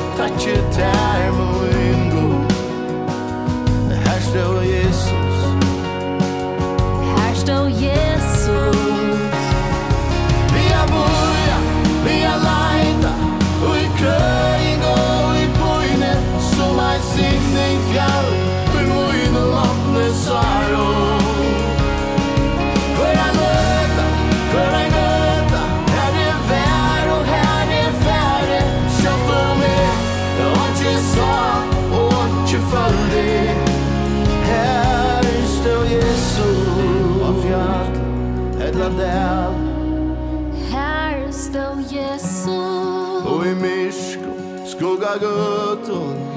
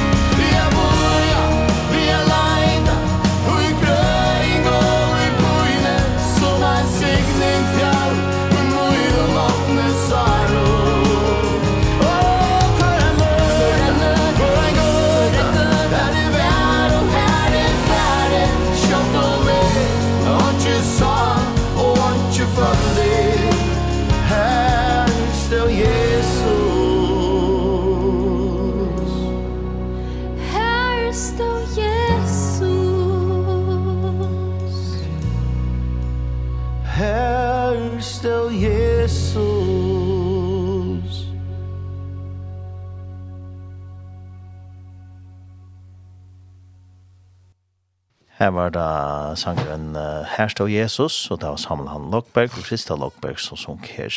Og vi tar av vidtjen her og Jodorsson det av uh, Samuel og Jonel Dunja, og så sier som dette der, og det er jo greit det fra Leven Tjadaimon, og jeg synes at det virker som trobar i Samuel og, og Jonel, virker som trobar i, Af i Afrika, i Ghana, og i, i Nekvar, og vi får høre det løsende greit sint fra Samuel missioner til dem nå, eh, hva det er til å gjøre i, i Ghana.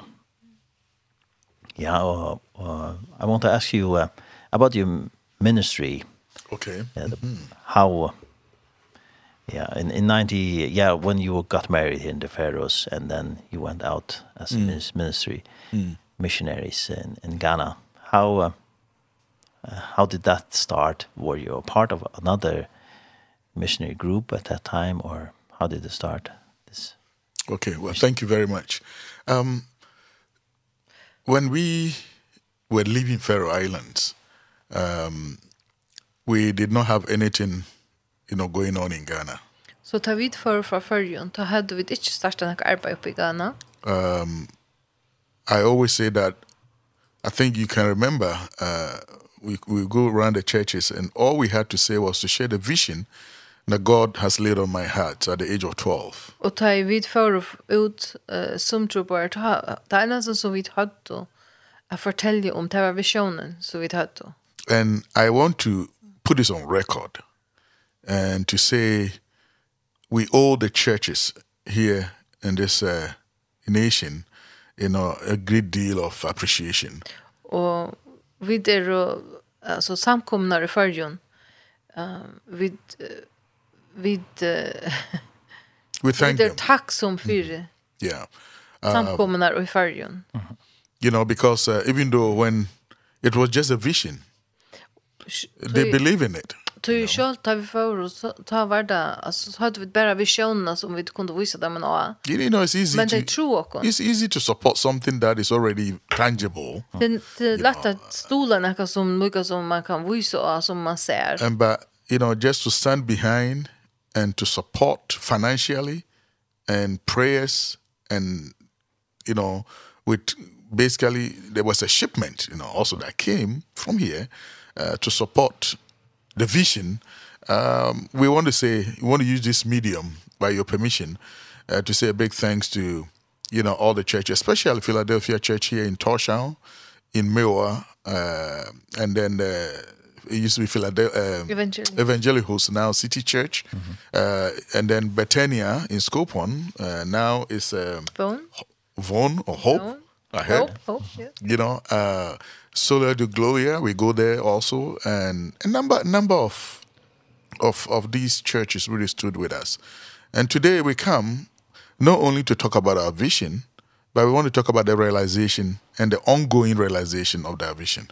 Så tar vi för för förjun så hade vi alltså det var inte vi hade spela arbete i Ghana. Det var visionen. Så vi uh, fortalte oss samkomna det det som vi får göra och och vi inte bruka eh uh, hända möjligheten att tacka timon som tror på oss självt om inte vär ta och mittlen samkomna som stola och oss som stod utanför oss eh var evangelihuset ta ta Soda City Church i det, og Philadelphia her i havn, og i Vavn og Philadelphia, som er nu vevren, uh, Betania, som nu er vevn, her eisen steg, samme vi kunne vite av eisen vi solo, i Klaksvik, og og uh, I hope I didn't forget anyone. Men ja, uh, yeah, det alltså det när heter så nära av dem samkomna och det var en stök som eisen var stol och kon och som stol och kon och argen. Så i det så är vi här att uh, ikke bare ta oss om til uh, visjoner som vi tar, men eisene hva vi er verlig enn i Josh, hva som er i Ghana i det, og eisene hva som uh, vi ikke sitter mer i fremtiden. Mm -hmm. And so I, you know, I, I, I stand here on behalf of the family, you know, to thank, to thank all of you. Uh, when it comes to missions, you know, it takes, it takes three people, you know, so, to do missions. So, vegna så inte å si takk til alle de som mm. har rätt som har vært pastor av um, at vi vil gjøre. Så at få detta vision till verkliga så er det tror tror jag pastor som var, som må være vi i i som prosjekt nå. Mhm. Mm and uh, it, it takes the church. Det. And then it takes. Det är samkomman and the church recognizing the call of God upon the life of missionaries and det, sending them. Att att ta samkomman hon eisen ser ta att gå till kalla te som för ut. And all those that comes to rally around those who are sent in in a financial support in prayer support. Och allt det som stannar om te som för ut och i bön vi bön och eisen stola dem um penningalia. And we have experienced all these three teams in our work in Ghana. Og vi tar oss allt detta og i Ghana. And so we want, i Ghana. we want to say thank you. So we'd see. We well, so thank you. Yeah. And so in 1995 December we arrived in Ghana. So i December 55 kom vi til Ghana. Again there was nothing on the ground. Og her var inte. Uh, Susie was not born by then. Susie var ikke en gång född you know, vi kom til Ghana. Mary was 10 months old. Og uh, Mary kan Elsa var 10 månader gammel. But in June 1996 is when we started Men the mission work. Vi började arbeta i Ghana i juni man och i John And um yeah, we started with a Bible school. Og vi började vi att vi en bibelskola. And basically training disciples. at lära lära You know, Jesus they don't ask us to go and plant churches. Jesus bad inte för ut och planta samkommer. He said we should go and make disciples. Han säger för ger lärjungar. And when the disciples are made. Och tar lärjungar är They become tools in the hands of Jesus Christ. Så blev att här ett tål och Jesu hand. That he will use to build his church att det är ett som Jesus brukar, alltså blev blå ett som Jesus brukar att bygga syna.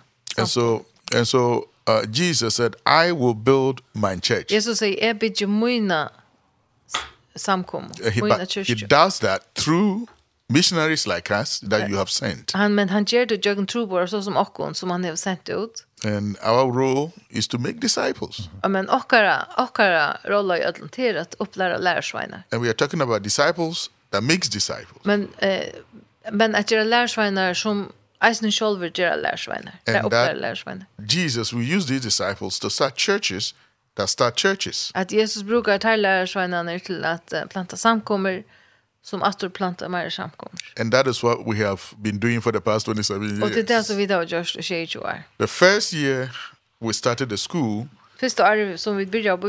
We had nine students. Hade vi nio nämningar. By the end of the first year of the education. Och ta i tar det gynge av på skolan i ett år nine churches have been planted. Hödstar uh, planta nutjo samkommer. And um, second year from 9 to 18 churches. Och nästa år så var det 18 samkommer. And then nästa år 18 samkommer. Keep growing, you know, 36 churches. Och det blev vi växa. Uh, and now uh, we have lost count. I mean, the last count was about 960 churches that we have started in Ghana. Det sista talet vi har, som det kan vara mer det er om line 900 samkommer som vi där störst igen. And uh, planta. we are seeing missionaries being sent now uh, from the work we started way back in 96 now sending missionaries to other West African countries. Og nu sender vi trubor fra altså vi kommer som trubor 6 men nu sender vi som trubor ut til anor uh, West Africans land altså til runt om okken. And uh, I want to say that when you look at the population of Faroe Islands. So is vi did at Falkadalen i Färjön. That is the number of people that the Lord through us has led you know, we have led them to the Lord Jesus Christ. Så it det nästan det samma som de som er och kom til trygg with jag kan by arbete just kan. You know, so, än folk att tell i först. So God has done so much. Så har god och just nek. But we also believe that he wants to do much more. Men vi trick at at han vil göra neck mer än det. Så. Yeah, yeah. Vi da var se. It's amazing. a, lot, a lot of numbers. Yeah, a lot of numbers. um, gosse har det så samband vi alla kyrkor och samkomnar eh uh, runt i Afrika. How did you have a How do we connect with, connect with the, our churches? churches in Ghana? Mm. Yeah. Uh, I mean, basically looking at the structure, right? Uh, how is it structured? It, yeah, how mm. do we connect with the church? We connect with oh, the okay. 960 churches in yeah, Ghana. okay. So, yeah. so um, I do not pastor any local church. Jag själv är pastor i Näkare samkommer. No, I pastor pastors. Yeah, pastor er pastor for pastor. Exactly. Pastorer.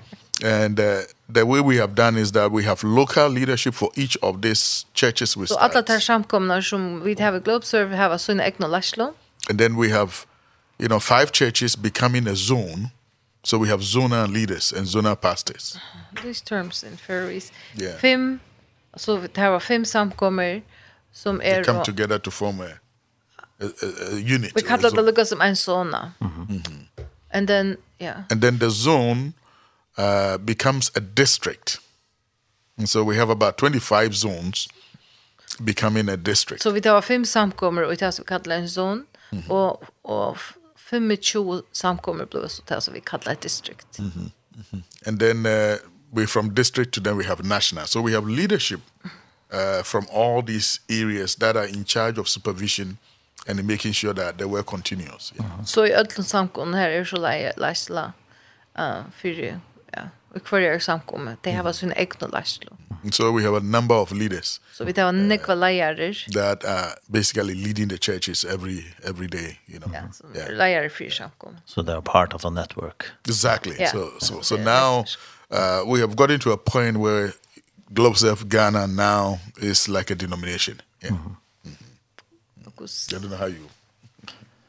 Um, ja, så Globeserve som vi tar var största i Ghana är nu en um, ja, hur säger man det här först? Denomination? Ja, yeah, en... Uh, a body, you know. Yeah. A group, a group of... You know, yeah. En, en grupp av, av kristna. Ja, yes, right. Man säger, ja. A network yeah. of... A network of yeah. churches, ja. Yeah. Onkel vet att år för det. Denomination. Det må vara år för år för det. Ja. Ja. Yeah. Mm -hmm. And uh, over these years, um, it has been easy to do these works mm. that you've been doing for God. I've laughed. yeah, I, I think that's a, that's a good question. It hasn't been easy. Uh, I, I mean, Jesus did not tell you that I'm calling you that it's going to be easy. yeah. He said go uh, and I'm with you. Det är ju inte alltid väldigt lätt alltså ta. Ja, men Jesus säger uh, färre Och så säger Jesus, eh, jag ska vara vid That's that, good, good promise. That's yeah. right. It's a yeah. good promise. Uh, and uh, the, one, of, one of the best of it is that he said, I am with you uh -huh. until the end of the age, you know. Yeah. And so we can count on his presence, even though uh, you go through challenges and, you know, you fear nothing because you know he's with you. Yeah. Yeah. So, mm. yeah. Det har vitat att han är vi allt och det är det trycka. Så vi uh, kunde kvilla i Yeah. And so we are determined uh, to take the church to where the church is not. So vi er og avgjort oi at, at samkomman at samkomman må være uh, planta her som unga samkommer er. And that is what is driving us uh, uh, as, as, as, as, as ministry. Det er okkara drivkraft i okkara arbeid. And not only do we uh, plant churches, you know, or take the church to where it's not. We also have women empowerment program. Maybe Yone can speak to that. Yeah. Yeah. Um, vi tar eisen i annor, um, ikke bare at vi uh, planta samkommer, vi tar i mist anna, som vi eisen, like, så som, så som sosialt arbeid i Ghana, her i middelen, at hjelpa kvinnen, her er, har vi så håndarbeidsskola. Og særlig Och uh, i, uh, i Norge, er det nekvar unger, jenter som um, ikke har mulighet for skola, uh, mentaliteten är alltid utan at att det här, för det första så har det inte råd sen där bötten i skolan. Det kostar gott nog är undervisning gratis i Ghana. Alltså skola gångt är gratis i Ghana men det kostar allt pengar. Mm. Det ska vara mat, uniform, det ska vara eh, köra buss eller motorcykel och alltså såna kvar annat som kommer på så drar kan ordla gratis. Så för föräldrarna så prioriterar inte att sända drar i skolan Och gentorna vill så hemma och göra husarbete, bara vatten och och ofta ända vi att bliva uh, ja, giftast tulja och få bød. Så vi vill gärna vara pastorer och hjälpa hessa unga gentorna att gjøre dem en um, onkra, alltså att de kunde lära oss och ta, kunde bruka det till att uh, här var sina intök och för sig själva och även hjälpa familjerna och inte bli gifta så tulliga alltså man kan inte ändla stäcka till till kulturen är så men man kan hjälpa dem och via geva dem så vi vi ser en a skill va att det kan lära en att vi sån hand och och det här har vi så handlar på skolan här där lära sig hemma och handlar på skolan lära det är sin av en skon det lära är sin att och så lära dig um, att göra saker och krem och så som det kan sälja upp perler til armbånd, hålsbånd, tasker, sånne noe, som där kunne sälja och så hava en liten inntøk for at vi, altså er kjølstøver, altså det er sånn, at jeg kunne sitte hjemme og se meg, og folk kommer til der, og det ser meg for folk. Så jeg kan kjøpe vi ikke klær, særlig slett ikke ut i bygden, og her er alt hjemme og se meg. Så her var det mulighet for at her var en liten inntøk, og Og tar der så litt når skolen til tve år, Ta der litt når så får den en simmaskin och töj och ta sånn nål och tråd och så Och sen tror akvarium vi så där kunde börja vi tog vi. Att, så vi hjälpte dem att lycka till att göra dem olika största näka själva. Mm -hmm. That's a vocational school. Mm -hmm. Mm -hmm. Yeah. Talk? This is. Yeah. yeah. Um, I don't know uh, what else. Uh, uh, what's on your heart? What what your testimonies or or things that God does has done through through the, your work mm. Mm. Uh, in this ministry over the years. What's what do you want to tell the listeners? Yeah, um God works in mysterious ways. That's right, he know. does. He mm does. And I think um one of the testimony that I can share has to do with uh, our encounter with the, you know, Muslim communities in the northern Ghana. Mhm. Mm det är ehm um Det som hever ordlande just snakka för jag kon till att eh tar vi byrja arbeta med den muslimer i Norgana. Yeah. Yeah, and uh, the Lord has really given us favor before the chiefs and the elders of uh, these Islamic communities in in Ghana. Och vi söker att vi har alltså tar vi kommer ut i bygderna så så färar vi till hövdingarna och vi gör så väl med att teaching av dem. And um, and as a result of that, we are seeing more and more of these, you know, communities uh, being open you know to the gospel. Og vi ser flere mer og mer bygder og ja, som er åpen for evangelien. In fact, last year uh, we started about 67 new churches and all were among these communities. Og så står jeg planta ut uh, nøkker trus samkommer, og det var alt, og middel muslimer. And um, I, I want to say that, you know, these doors are opening because the church is behind us in prayers. Och jag tycker tog att hesa dit när öppnar tog jag vet jag folk som ber för oss samkommer och folk som ber för You know, pra prayer does wonders beyond miles. Mm. And uh, we would like to take this opportunity to, you know, solicit for more prayers uh, because the years ahead we want to do more for the Lord og og det at vi vita folk ber for oss det er jeg vill så større tutning og det ger mån, og vi inte at mina folk kan fortsätta inte ge upp och försöka be mer for det arbetar vi gjør. and there's something I, I would love, you know, to see happen. And that is I would love to have teams, you know, come from the Faroe Islands, you know, to come and see what God has done through our partnership. Og det är ni och vän att kanskje vi får et team fra, Ghana, från Färjön till Ghana som, som kan, det kan komma och så och uppleva att det arbete som vi gör. So I, I want to take this opportunity again to thank you uh, for this time and this uh, opportunity to share, you know, with your audience. Och jag ska tacka för möjligheten att uh, dela det här. So if if a team want to come to you, they want, should just contact you and... Uh, yes, om det -hmm. de kan inte komma, ja, det kan bara... Mm -hmm. Yeah, and there, there's so much you can do. There's a vocational school, there is a elementary, elementary school. school, there is uh what community development work. Yeah, det är så näck vi möjligheter av så vi vi får ett team av som det kommer pastor av uh, asutja och vara pastor av till dömes vi tar 100 skolan som jag fortalt men vi tar även folkhögskolan. Construction work, you know. Um Men ja, vi vi er åpen for ødlån og kunne sette sammen et team som passer akkurat til de som er av teamene. Ja. Om det skal være bygging, eller undervisning, eller mala, eller uh, farm, eller hva det er vi har. Vi har en farm her vi dyrker hjørne, og vi har høner og egg og ja. Så det er nek, man kan være pastor av. Så Och när jag har av att komma så har jag sagt att team samman så att det passar akkurat till dig som kom. And the, the the the the town that you live in is it the same as you when you went there for 27 years ago or you live in now?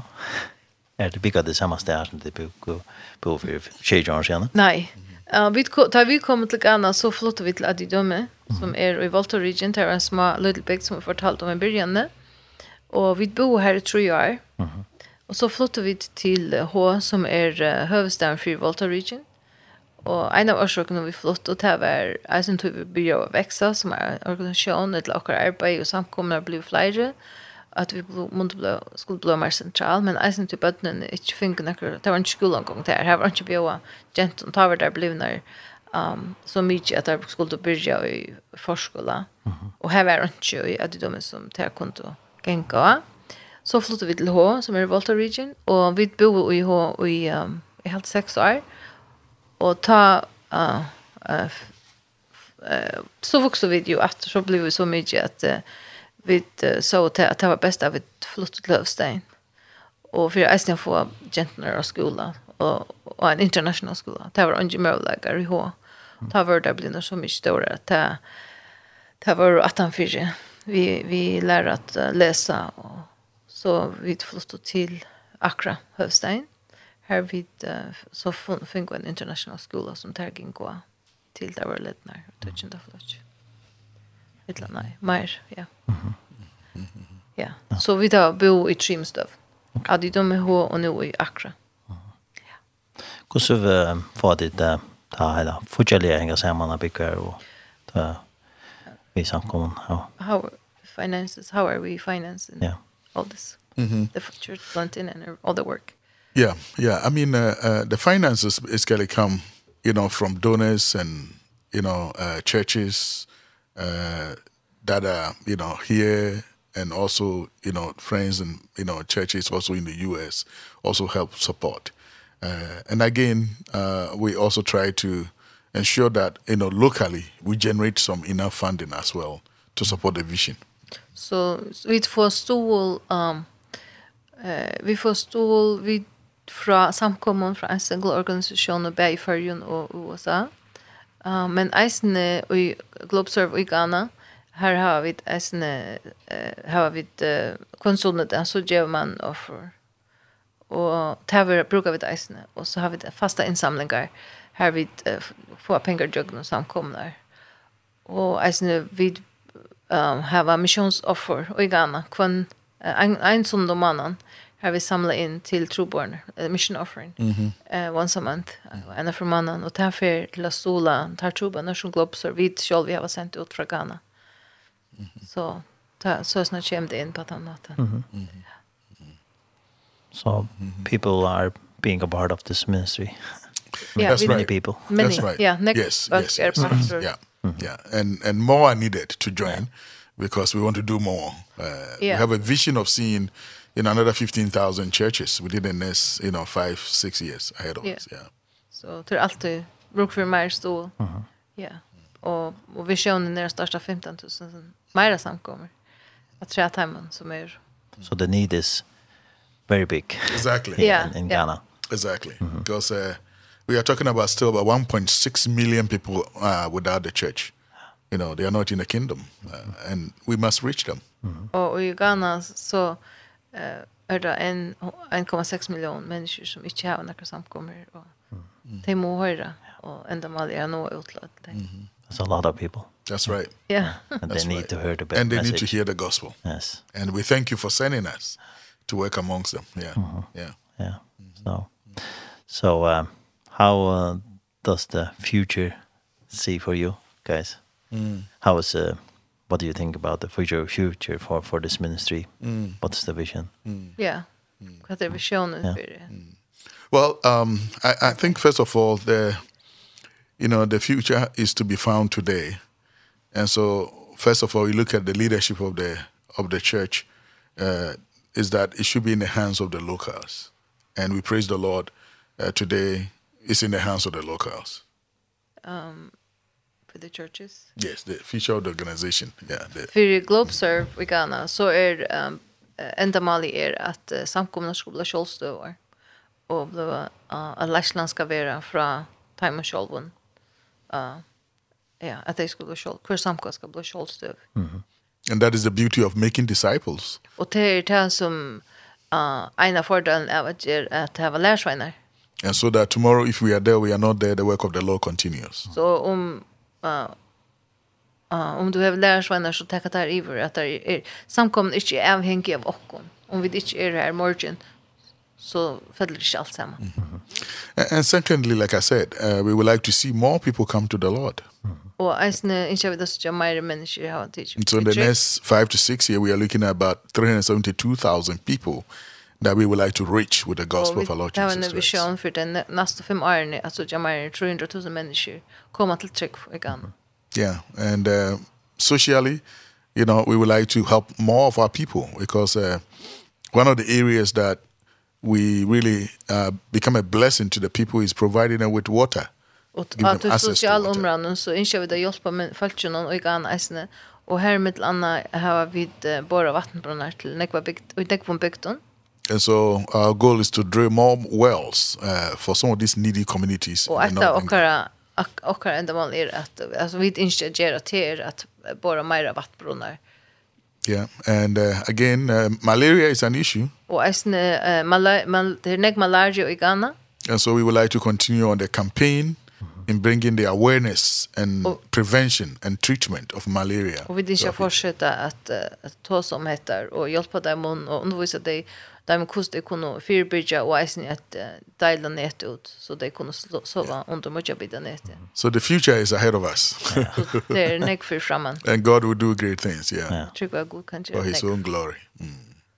And uh, in these churches uh, uh, they have um, discipleship mm -hmm. and making disciples and mm -hmm. disciples. Yeah. So mm -hmm the ring goes out. It goes out. Yes. Yeah. Exactly. Yeah. Yeah. Det var lärsvänner är vara George Atlas Atlasstene och Eisen att till lokala. Ja, så det var national district och lokala. In the moment you you stop this up push you kill the church. Så hvis vi ikke er lærsvænner så dør samkommer. Hvis vi ikke er opplært så dør samkommer. Yeah.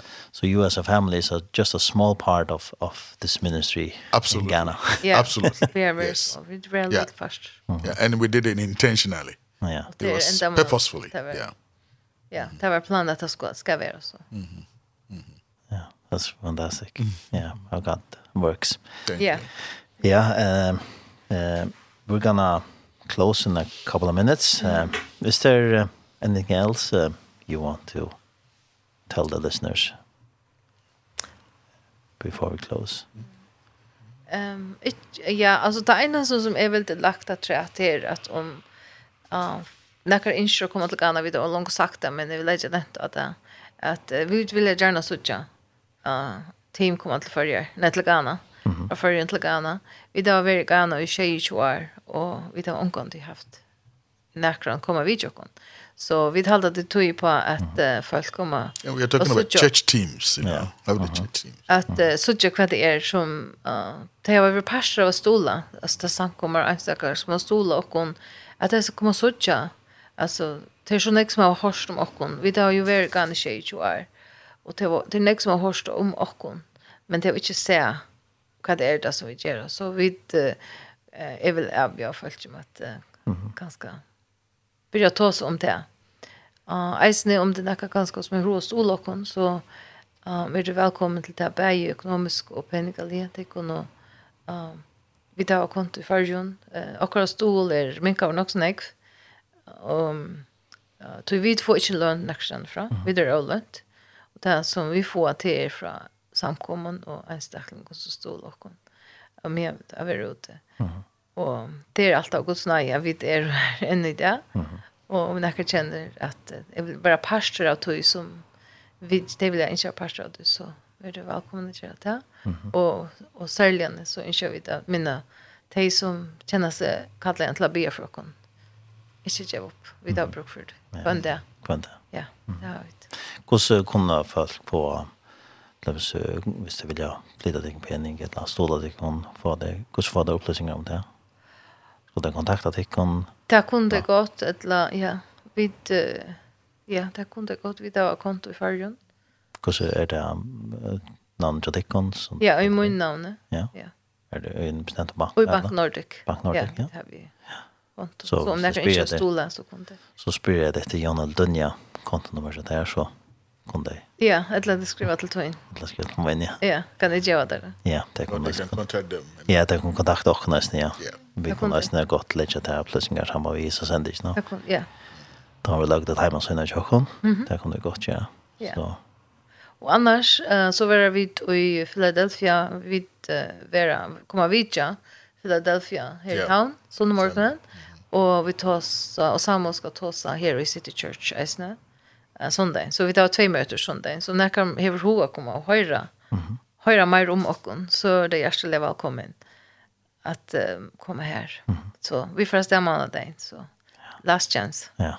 Man man där flyg var vi så åter till vi flyg var till Danmark och vara samma för vara samma genton när det är har för åter till Ghana.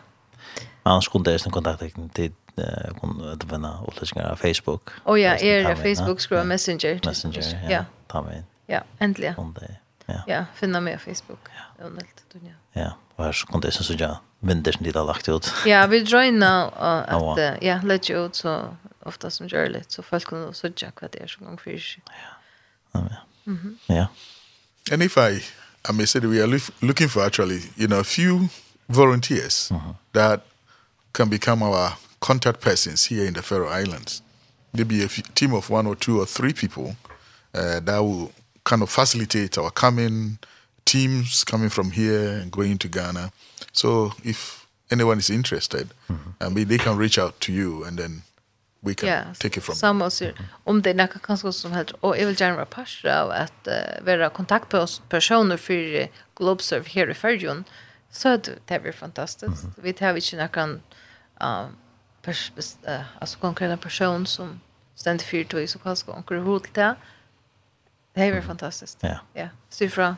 Ja. Så kommer kanske ha lite team i Färjön som är representerar okkon här. Akkurat. Han kan standa för att organisera och allt det där. Ja.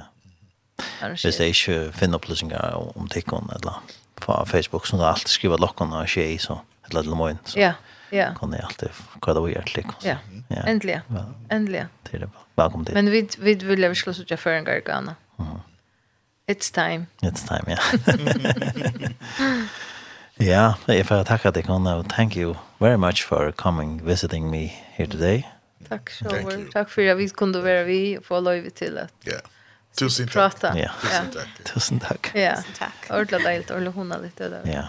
Men på chefs när sändes nu och kunde höra till vittnesbord og her hear your testimonies how God works in mysterious ways in your lives. Yeah. Yeah. That's great. And we can remember to pray for you. Thank you. Uh, yeah. The Lord's doing his work. Amen. Over there. Yeah. Thank you very much. Tack för det. Eh, ja, vi får enda med en Sancho så att ja. Ja. Så just det. Han då Sancho valde är till han ser ju sån ek och Eisen representation om det som vi ger i Ghana, Lord of the Harvest. Mhm. ja. Det är snä vad sånger. Ja. Sånger. Han har från här så. May God bless your work. Amen. Yeah. Thank you. Amen. Bless you too. Yes, thank you very much.